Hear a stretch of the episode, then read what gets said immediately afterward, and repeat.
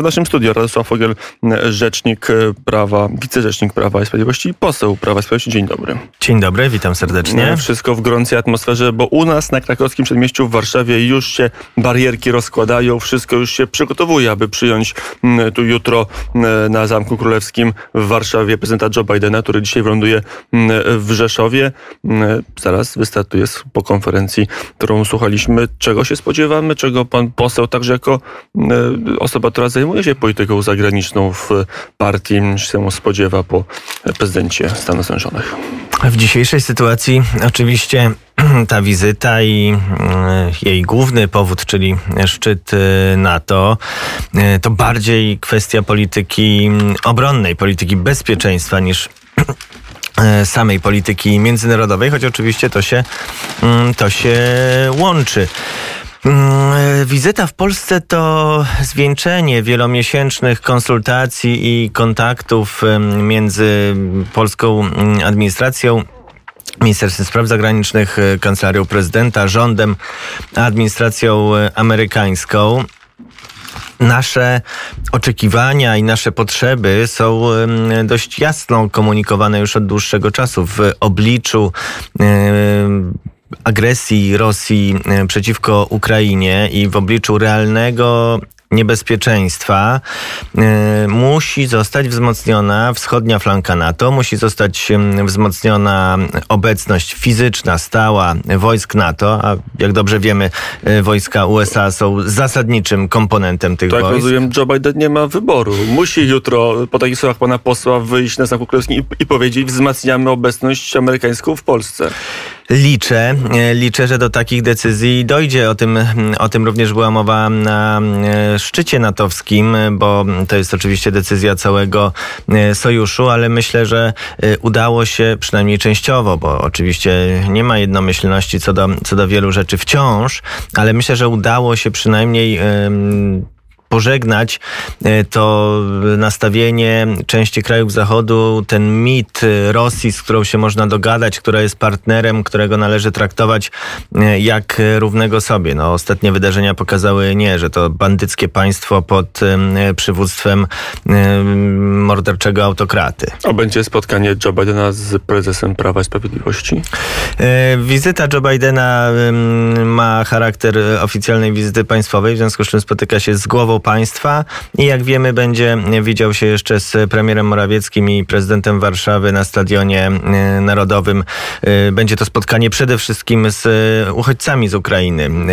Myślę, że to też jest bardzo istotne dla odbiorcy amerykańskiego, dla amerykańskiej opinii publicznej, żeby przy tej okazji zobaczyć na własne oczy skalę kryzysu i skalę dramatu tych ludzi, z którym się, z którym się mierzą. Bo to słowa wicepremiera do spraw bezpieczeństwa zrobiły no, pewne zamieszanie i, i stały się pewnym punktem odniesienia w debacie. Nie powiedziałbym e, zamieszanie, raczej użyłbym e, określenia katalizator czy zarzewie dyskusji. Ta propozycja, którą przedstawił w Kijowie Jarosław Kaczyński, ona przecież oczywiście nie wzięła się znikąd. Mm. Mówiono o zaskoczeniu. Czy Jarosław Kaczyński wcześniej konsultował te słowa E, z partnerami NATO? E, przede wszystkim e, rozmawiał wcześniej z prezydentem Załańskim i to jest, myślę, clue sprawy.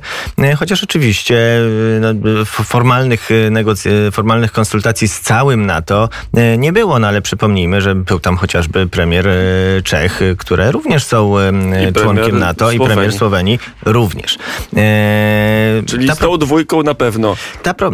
Bo ale to nie jest, są najmocniejsze państwa co? NATO No i dlatego przed nami, dlatego przed nami cały czas, no była o tym mowa w, wczoraj, będzie mowa w kolejnych dniach, przed nami cały czas y, praca polegająca na przekonywaniu naszych partnerów. Wczoraj z tego co wiem mieliśmy już kilka krajów, które co najmniej z otwartością podchodziłyby do tego typu misji. Misja, misji, która byłaby osadzona w prawie międzynarodowym, w, chociażby w karcie Narodów e, Zjednoczonych. Jest e, koncepcja wymuszania pokoju. Chodzi tutaj o ochronę korytarzy humanitarnych, ochronę ludności y, cywilnej. Ukraina jest suwerennym państwem i może taką misję zaprosić. My nie musimy pytać Rosji, my nie wchodzimy na terytorium Rosji.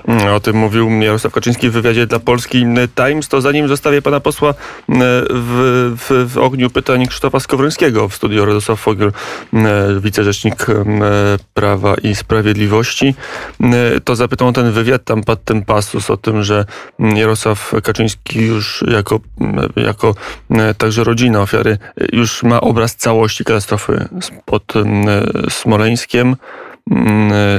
To jest, skąd ma tą wiedzę Jarosław Kaczyński? W tym wywiadzie pada odpowiedź na to e, pytanie jako e, e, brat świętej pamięci prezydenta Kaczyńskiego i osoba posiadająca status poszkodowanego we wszystkich śledztwach dotyczących tego, co zdarzyło się w Smoleńsku, ma dostęp do dokumentacji procesowej, ma dostęp do informacji i tak pan prezes to uciął i to też jest wszystko, co, co ja mogę na ten temat mm, powiedzieć. Gościem poranka wnet był Antoni Macierewicz. Mówił tak, no wszystko wie, bo wszystko jest w raporcie. To prawda? E, raport jest e, i ciężka praca komisji pod przewodnictwem Antoniego Malcierewicza to jedna e, kwestia. Druga kwestia to działania procesowe. Przecież cały czas toczy się śledztwo prokuratury. I tutaj akurat w tym wywiadzie prezes Jarosław Kaczyński odnosił się do tych, do tych działań. Mm, czyli to, to jak, jaki zakres wiedzy zawiera raport podkomisji w takim wypadku? Trudno mi czynić porównania, bo nie mam tej wiedzy y, procesowej, którą mają osoby poszkodowane, więc proszę mnie zwolnić z odpowiedzi. Ale jak rozumiem, w tym wywiadzie jest, jasno, jest jasno wskazane, że to nie praca podkomisji, tylko praca prokuratury. Czy w tym wywiadzie jest mowa, jest mowa o informacjach, które pan prezes y, Kaczyński uzyskuje jako y, posiadający status poszkodowanego w śledztwie dotyczącym. Smoleńska. Pan prezes Jarosław Kaczyński mówi nic więcej o tym nie mogę powiedzieć i pan poseł również e, nic więcej o tym nie może powiedzieć, ale kiedy opinia publiczna dowie się o tym, e, co w tych raportach jest i co wie e, pan prezes i wicepremier Jarosław Kaczyński? Ponieważ mamy do czynienia z regularnym, e, regularnym postępowaniem prokuratorskim, e, musimy trzymać się e, wszystkich uregulowań kodeksowych. W związku z tym to tak naprawdę pytanie do prokuratorów prowadzących sprawę, jak będą dalej postępować no, na jakimś etapie każdego śledztwa, niezależnie od tego, czego ono dotyczy. Materiały stają się dostępne. Na razie są dostępne dla dla, prowadzących śledztwo i poszkodowanych. Jest e, pan poseł świadkiem, jaka anarchia występuje w Radiu Wnet. Łukasz Jankowski opuścił stanowisko e, pracy, a my kontynuujemy e, spotkanie na Stadionie Narodowym. Szczerze powiem, śledzę politykę, ale o tym spotkaniu nie wiedziałem. To spotkanie jest przed spotkaniem na Zamku Królewskim? To jest rzeczywiście ustalenie z mniej lub bardziej ostatniej chwili. Informował o tym dzisiaj rano rzecznik rządu minister Piotr Miller. Mm, szczerze mówiąc, też jeszcze y, do końca nie mam pewności, w którym y, momencie dnia to spotkanie będzie się y, odbywać.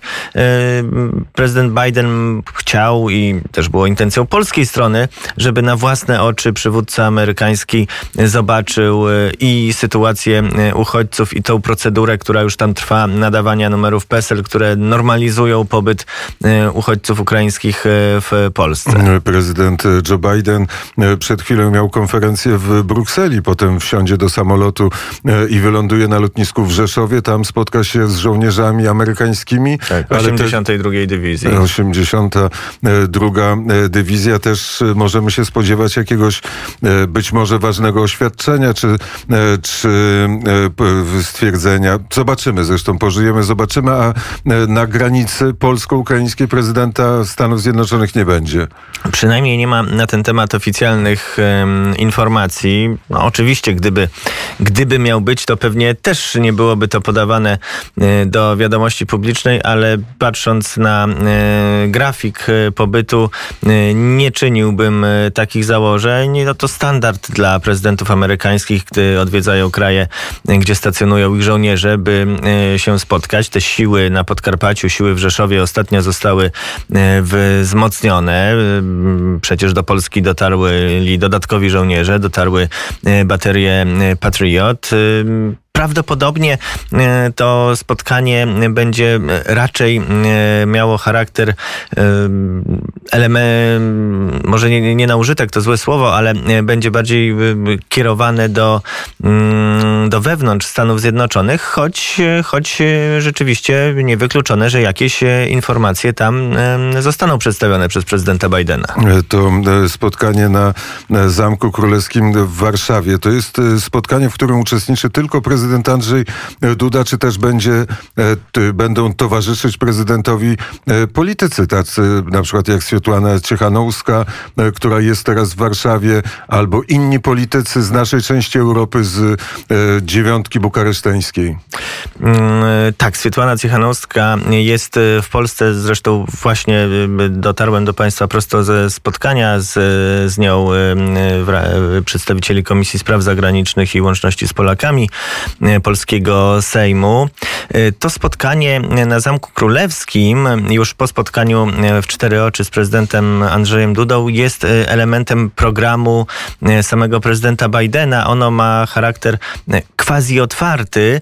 Mm, będą również obecni politycy polscy. Z tego co wiem, na pewno zaproszenie dostali marszałkowie Sejmu i Senatu. Mm, nie wiem, jak będzie będzie wyglądała sytuacja mm, z obecnością ewentualnie innych polityków y, regionu. To pewnie y, ambasada Stanów Zjednoczonych, która formalnie y, wystosowuje zaproszenia na to wydarzenie, wie więcej. To w takim razie jedno pytanie na marginesie na temat tego spotkania z panią Swietłaną Cichanowską? Tak, pani Cichanowska wraz ze swoimi współpracownikami odbywa wizytę w Polsce trwa chyba, e, nie chcę wchodzić w buty przedstawicieli Kancelarii Prezydenta, ale, ale wiem, że miała umówione spotkanie również, również e, z prezydentem Andrzejem e, Dudą. Rozmawialiśmy o tym, co Białorusini, białoruska opozycja robi dla wsparcia Ukrainy i w, w tym wymiarze informacyjnym, na przykład ukraińscy, białoruscy hakerzy jak, jak ich określa cyberwojownicy, e, wspomagają walkę Ukraińców w infosferze. Również w tym momencie na Ukrainie walczy 200 ochotników e, z wolnej Białorusi. Kolejni się szkolą. Funkcjonuje szpital polowy przekazany przez e, białoruską e, opozycję i pytaliśmy też o nastroje na samej Białorusi. Tu oczywiście bardzo wyraźnie widać, jak dostęp do prawdy i do wolnych środków przekazu jest, jest istotny. Ci, którzy mają możliwość czy oglądania Belsatu, czy korzystania z Nexty, czy... Czy słuchania Radia Unet. Czy słuchania Radia Unet, czy e, na popularności zyskują ukraińskie kanały telewizyjne. Ci e, mają większą świadomość tego, co się dzieje. No część niestety, część niestety ograniczona jest do tej łukaszenkowskiej propagandy, który powtarza tezy Putina o nazistach w, na Ukrainie. To jest ważne. 25 marca to, to jest białoruskie, białoruskie, święto. E, specjalna audycja poświęcona Białorusi będzie w Radiu Wnet i opozycji białoruskiej będzie w Radiu Wnet od godziny 13 do godziny 15. E, e, ważne jest też daty i pamiętanie o tym, że Andrzej Poczobut, że Angelika Borys, że mąż pani Swietłany Ciechanowskiej e, i wielu dziennikarzy, wielu działaczy siedzi w białoruskich więzieniach i to jest też taki dzień solidarności z tymi wszystkimi, którzy są uwięzieni przez Łukaszenkę i reżim Łukaszenki. Popatrzmy teraz trochę na Europę, jak te podziały w Europie względem e, relacji z Rosją wyglądają, bo e, wiadomo w jaki sposób Niemcy są uzależnieni od rosyjskiego gazu, w ogóle od handlu z Rosjanami, tak? To e, kilkanaście lat rządów pani Angeli Merkel to była konsekwentne wspieranie rosyjskiej gospodarki i jednocześnie wspieranie niemieckiej gospodarki. Teraz od tego odchodzą. To jest trudne odejście, a w ogóle czy to odejście następuje?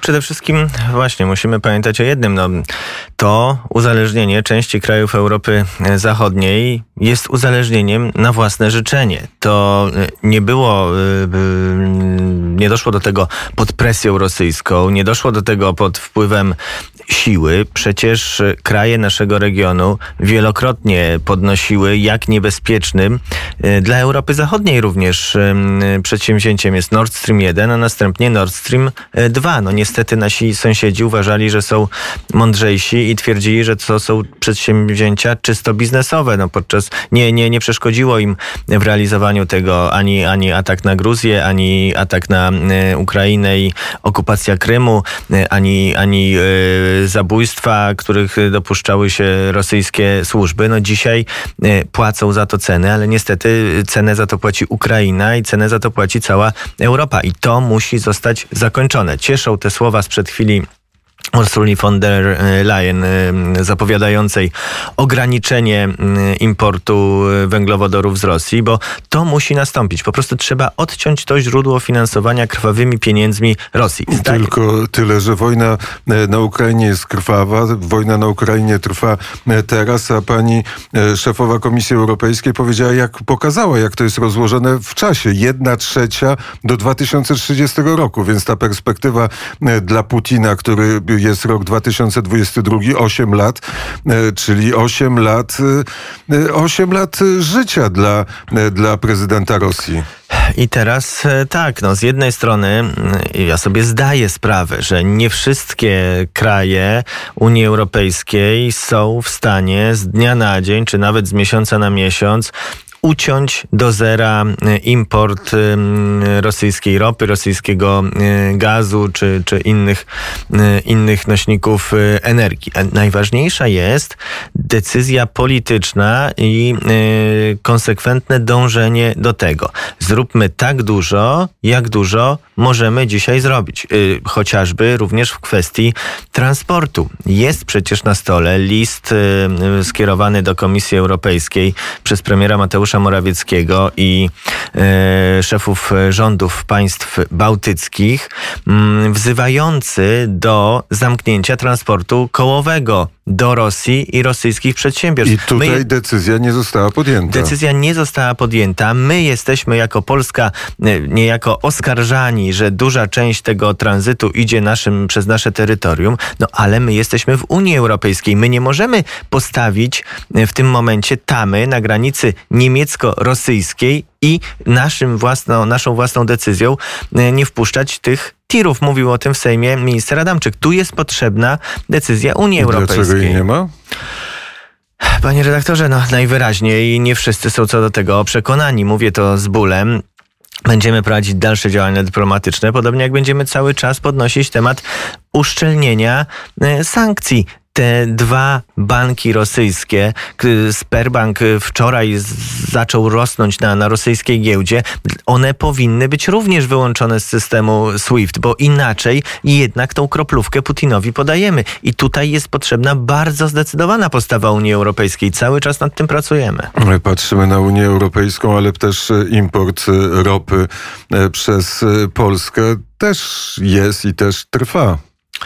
E, to prawda, e, w znacznie mniejszym zakresie niż, e, niż wiele innych krajów unijnych. Już mamy deklarację polskich spółek paliwowych, że ten import będzie zakończony. Na całe szczęście dzięki rozsądnym działaniom z ostatnich lat w tym roku uruchamiamy gazociąg bałtycki, Baltic Pipe, który nas już zupełnie uniezależni od rosyjskiego gazu. No, gdybyśmy go e, zrealizowali wtedy, kiedy ta propozycja ze strony Piotra Naimskiego padła pierwszy raz za czasów rządów AWS, gdyby rząd Leszka Millera z nieznanych dzisiaj przyczyn nie... Natychmiast. Pierwsza decyzja Jedna z to pierwszych było, decyzji to było, to było zerwanie, zerwanie jeszcze nie kontraktu, tylko tego listu intencyjnego, który na koniec... Gdyby tej decyzji nie było, my byśmy już mogli nie kupować kropli rosyjskiego gazu od y, wielu, wielu lat. To też pokazuje, jak, y, jakie mieliśmy y, zapóźnienia, ale jak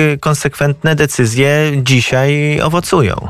A jeśli chodzi o europejską politykę prawa i sprawiedliwości, partie prawicowe, z którymi współpracowała, których liderzy przyjeżdżali do Polski, pan Salvini, pani Le Pen, czy nawet liderzy hiszpańscy, Vox, to są ci, którzy co najmniej są niejednoznaczni, jeśli chodzi o relacje z Rosją, jeśli chodzi o Salviniego, pokazuje, dokumenty pokazują, jak mocno jest z Rosją związany. Czy tu nastąpi jakaś korekta kursu?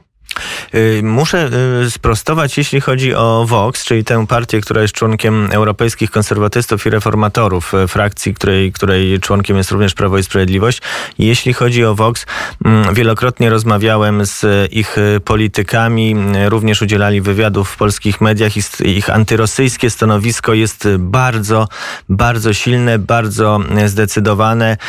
Wręcz sami mówią w swoim kraju o niestety podejrzewaniu podejrzanych, y, podejrzanych związkach o, niektórych socjalistycznych polityków w Hiszpanii y, z finansowaniem rosyjskim poprzez Amerykę Łacińską, poprzez, poprzez tych różnych y, wataszków rządzących w niektórych, w niektórych krajach Ameryki Łacińskiej.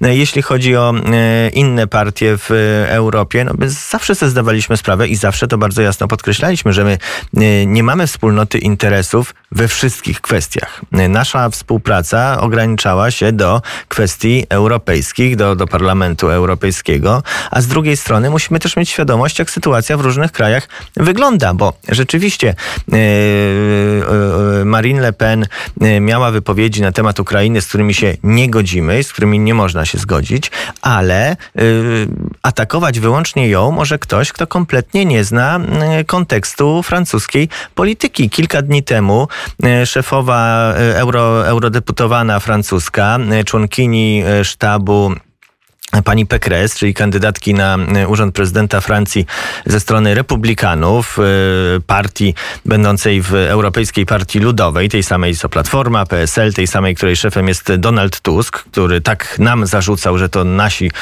nasi partnerzy mieliby mieć wyłącznie podejście no, takie na, na, nazbyt rozumiejące Rosję. E, więc, więc e, europosłanka Europejskiej Partii Ludowej w wywiadzie udzielanym francuskiej telewizji e, sama próbowała rozdzielać winę, próbowała usprawiedliwiać Rosję, próbowała używać argumentów, no, których, których używa rosyjska propaganda, że Ukraina jest młodym i niestabilnym państwem. No po prostu, niestety, cała, czy zdecydowana większość na przykład francuskiej klasy politycznej pod względem tego aspektu niczym się no od dobrze, siebie nie ale różni. Czy e, Prawo i Sprawiedliwość i liderzy Prawa i Sprawiedliwości e, wyciągają z tego wniosku? To pani Le Pen miała e, zdjęcie, którym chciała się pochwalić Francuzom w czasie kampanii wyborczej razem z prezydentem Putinem, więc uważała, że jej relacje z Putinem są relacjami istotnymi, ważnymi i teraz musiała I ze wstydem z, zniszczyć te ulotki. Ja się, cieszę, ja się cieszę, że te ulotki zostały zniszczone, bo to tylko pokazuje,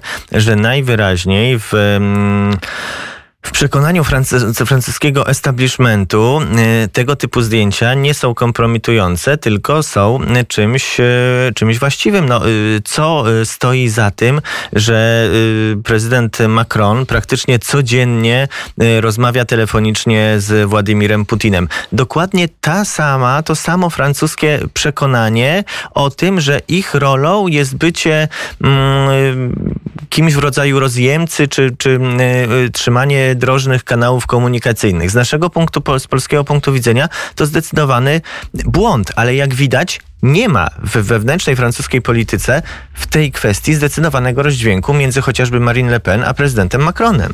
E, pewno e, trochę tego rozdźwięku e, jest, ale to wróćmy do, do sytuacji na Ukrainie i sytuacji politycznej. To jest tak, że Niemcy i Francuzi chcą w jakiś sposób, nie wiem czy to jest dobre słowo, ale wymusić rodzaj pokojowych ustępstw na, na prezydencie Ukrainy, bo Niemcom zależy na stwierdzeniu jak najszybciej pierwszym stwierdzeniu, że to już jest po sprawie, że już można z powrotem przywrócić e, normalny e, handel z Rosją. Francuzi podjęli decyzję. Jeden koncern francuski został, koncern Renault powiedział e, za zgodą rządu francuskiego. Dalej produkuje samochody w Rosji. To wszystko się dzieje. Tak jest, panie pośle, że...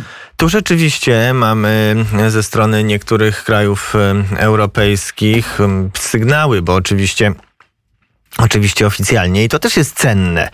Oficjalnie mamy jedność Unii Europejskiej w kwestii podejścia do wojny, w kwestii sankcji, chociaż tak jak mówiliśmy wcześniej, więcej, wyżej, szybciej, na pewno by się to przydało, ale no, jest różnica między krajami. In, inną postawę prezentują politycy łotewscy, dajmy na to.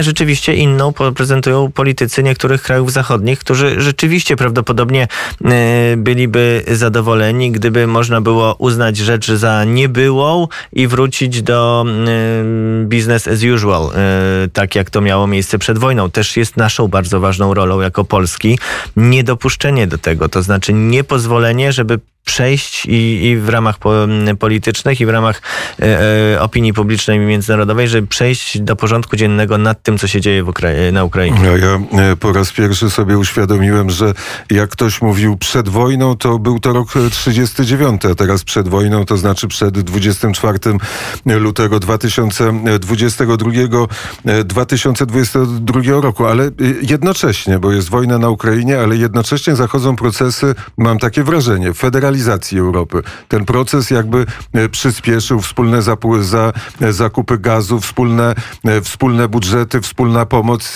i to jest taki proces pan też obserwuje. Myślę, że to trzeba na to patrzeć z dwóch stron. Z jednej strony mamy do czynienia z takim bardzo mocnym zacięciem ideologicznym, y, które mm, prezentuje część elit y, europejskich, część elit brukselskich. To znaczy y, próbą utworzenia swego rodzaju superpaństwa na kanwie Unii Europejskiej po to, żeby, żeby decyzje zapadały w Brukseli. To jest coś, co jest groźne, co jest na pewno destruktywne dla, dla idei Europy jako takiej i temu się trzeba przeciwstawiać. Drugiej strony, no, Unia Europejska jest sojuszem, E, związkiem państw, do którego należymy i są obszary, w których ta współpraca jest wskazana. Właśnie na przykład, gdyby można było w ten sposób, poprzez wspólne zakupy nośników energii, y, zapewnić bezpieczeństwo energetyczne i uniezależnić się od takich państw jak Rosja, to tutaj Unia Europejska będzie y, realizować swoje. Y, swoje założenia. Chociażby też ten, y, pracę, teraz dyskusję nad y, kompasem strategicznym. Cały czas Polska stoi na stanowisku, że podstawą bezpieczeństwa w świecie zachodnim, również w Europie, jest NATO. Ale wsparcie i uzupełnienie e, sił natowskich przez jakiś komponent unijny byłoby czymś wartościowym. Tylko, tylko oczywiście, tylko oczywiście tu nie może być koncepcja e, konfrontacyjna, to znaczy albo NATO, albo Unia Europejska. E, z punktu widzenia takich krajów jak Polska, które dopiero bardzo szybko starają się nadgonić, inwestować, do, dozbrajać swoje wojska, jakiś komponent sił szybkiego reagowania w współpracujący z NATO może mieć dodatkową wartość. Ale e, strategia Berlina wydaje się teraz e, prosta. Rzeczywiście budowa, e, budowa Europy na bazie współpracy rosyjsko-europejskiej. Ta koncepcja na razie się zawaliła. Tej koncepcji na razie nie ma, ale myśli pan, że Berlin i Paryż, Paryż w mniejszym stopniu, ale Berlin wróci do tej koncepcji? To jest to niebezpieczeństwo, bo rzeczywiście świadomie bądź nie, jedni pewnie bardziej, drudzy mniej, przez wiele, wiele lat Niemcy realizowały to dawne jeszcze założenie niemieckiej polityki, to znaczy współpraca Berlin-Moskwa i podzielenie się strefami wpływów, de facto wspólne rządzenie w Europie. Czy te wydarzenia na Ukrainie i czy y, ta, to, to obudzenie się, w, czy budzenie się świata zachodu y, położy temu kres, no to czas pokaże. A czy jest w Warszawie to ja chcę? Czy Polska wie, czego chce? W kontekście... W kontekście wojny na Ukrainie, w kontekście przyszłego, przyszłego pokoju. Czego my chcemy? Co jest najlepszym i optymalnym rozwiązaniem dla Polski? No, z, punkt, z polskiego punktu widzenia y, oczywiście kluczowa jest y, Sukces niepodległa Ukrainy. Ukraina. I, I co dalej? I nie, i nie y, Ukraina, w, która, która, i nie pokój, w, w wyniku którego zwycięzcą jest Rosja i Władimir Putin. To my będziemy wspierać wszystkie decyzje, które będą akceptowane przez Ukraińców. I to jeśli zakładamy pozytywnie, że to się uda i wtedy, co, czego Polska chce? Co jest w interesie Polski? W interesie Polski jest wówczas e, integracja, już teraz przecież apelujemy o e, szybsze przyznanie statusu państwa kandydującego Ukrainie. W interesie Polski jest szybsza integracja Ukrainy ze strukturami e, europejskimi. Kwestie natowskie Ale oczywiście jeśli pozostaną... Europa, Europa, to mówi premier Holandii, to mówią właściwie przyjęcie Ukrainy, to coś na Bałkanach zrobi, to za wcześnie, my nie możemy, Unia Europejska sobie nie poradzi. Akurat w kwestii Bałkanów, ja też uważam, że kraje Bałkanów Zachodnich powinny e, otrzymywać bardzo jasne sygnały, że e, drzwi do Unii Europejskiej są otwarte. E, Tutaj- Tak, ale tutaj te drzwi dla Ukrainy może są otwarte, ale są gdzieś bardzo e, daleko. Trzeba, długą drogę musi przebyć Ukraina, żeby wejść, dojść do, e, do tego progu europejskiego, a wcześniej. Co Polska może zrobić? Czy jest jakiś e, model współpracy, oryginalny model współpracy polsko-ukraińskiej? No, oczywiście bardzo istotną kwestią będzie podnoszenie e, tematu e, reparacji wojennych, bo e, z jednej strony oczywiście wsparcie unijne dla, dla odbudowy to prawda, ale my też nie możemy przechodzić do porządku dziennego nad tym, że Rosja atakuje sąsiednie państwo, a później Europa za to płaci. Rosjanie będą musieli być pociągnięci do odpowiedzialności. Ale prezydent Zełęński powiedział, między Polską a Ukrainą nie ma granic. To coś znaczy, czy nic? Oczywiście e, w e, momencie jego wystąpienia e, sejmowego to przede wszystkim chodziło o kwestię mm, braterstwa e, w obliczu rosyjskiego zagrożenia, kwestie, kwestie emocjonalne, chociaż no, patrząc na ten napływ e, uchodźców z Ukrainy, zdecydowana większość ma nadzieję, że wróci do, do domu prędzej czy e, później. Rzeczywiście te granice zostały bardzo mocno poluzowane właśnie po to, żeby pomagać bo jeżeli, Ukraińcom. jeżeli wrócą, to nadal z polskim PESEL-em. E, Ta kwestia będzie e, pewnie rozwiązana e, po wojnie. Nie wiem, jak to będzie technicznie wyglądało, bo na razie, na razie obywatele Ukrainy otrzymujący polskie PESEL otrzymują je właśnie po to, żeby móc funkcjonować w polskim systemie, żeby móc mieć cyfrową tożsamość, żeby móc być rozpoznawanym niejako przez, przez polskie państwo. Tu pamiętajmy, że to, to żadnych innych uprawnień nie daje, ale myślę, że to, e, to wszystko, co się dzieje, też pozwoli otworzyć zupełnie nowy rozdział w I stosunkach właśnie o ten rozdział pytam, jaki to będzie rozdział? Co będzie napisane na tym e, tytuł tego rozdziału? Jak on będzie wyglądał, ten rozdział? Czy wiemy, co, co chcemy, krótko mówiąc? Jak pyta pan redaktor o, o, o tytuł O roz, ro, rozdziału, to jako mm, fan Gwiezdnych Wojen no, przychodzi mi oczywiście tylko jedna propozycja, Nowa Nadzieja. I taki e, tytuł e, nadamy temu rozdziałowi. Radosław Fogiel, polityk Prawa i Sprawiedliwości, e, wicerzecznik Prawa i Sprawiedliwości, wicerzecznik. Bardzo serdecznie dziękuję za rozmowę. Dziękuję serdecznie.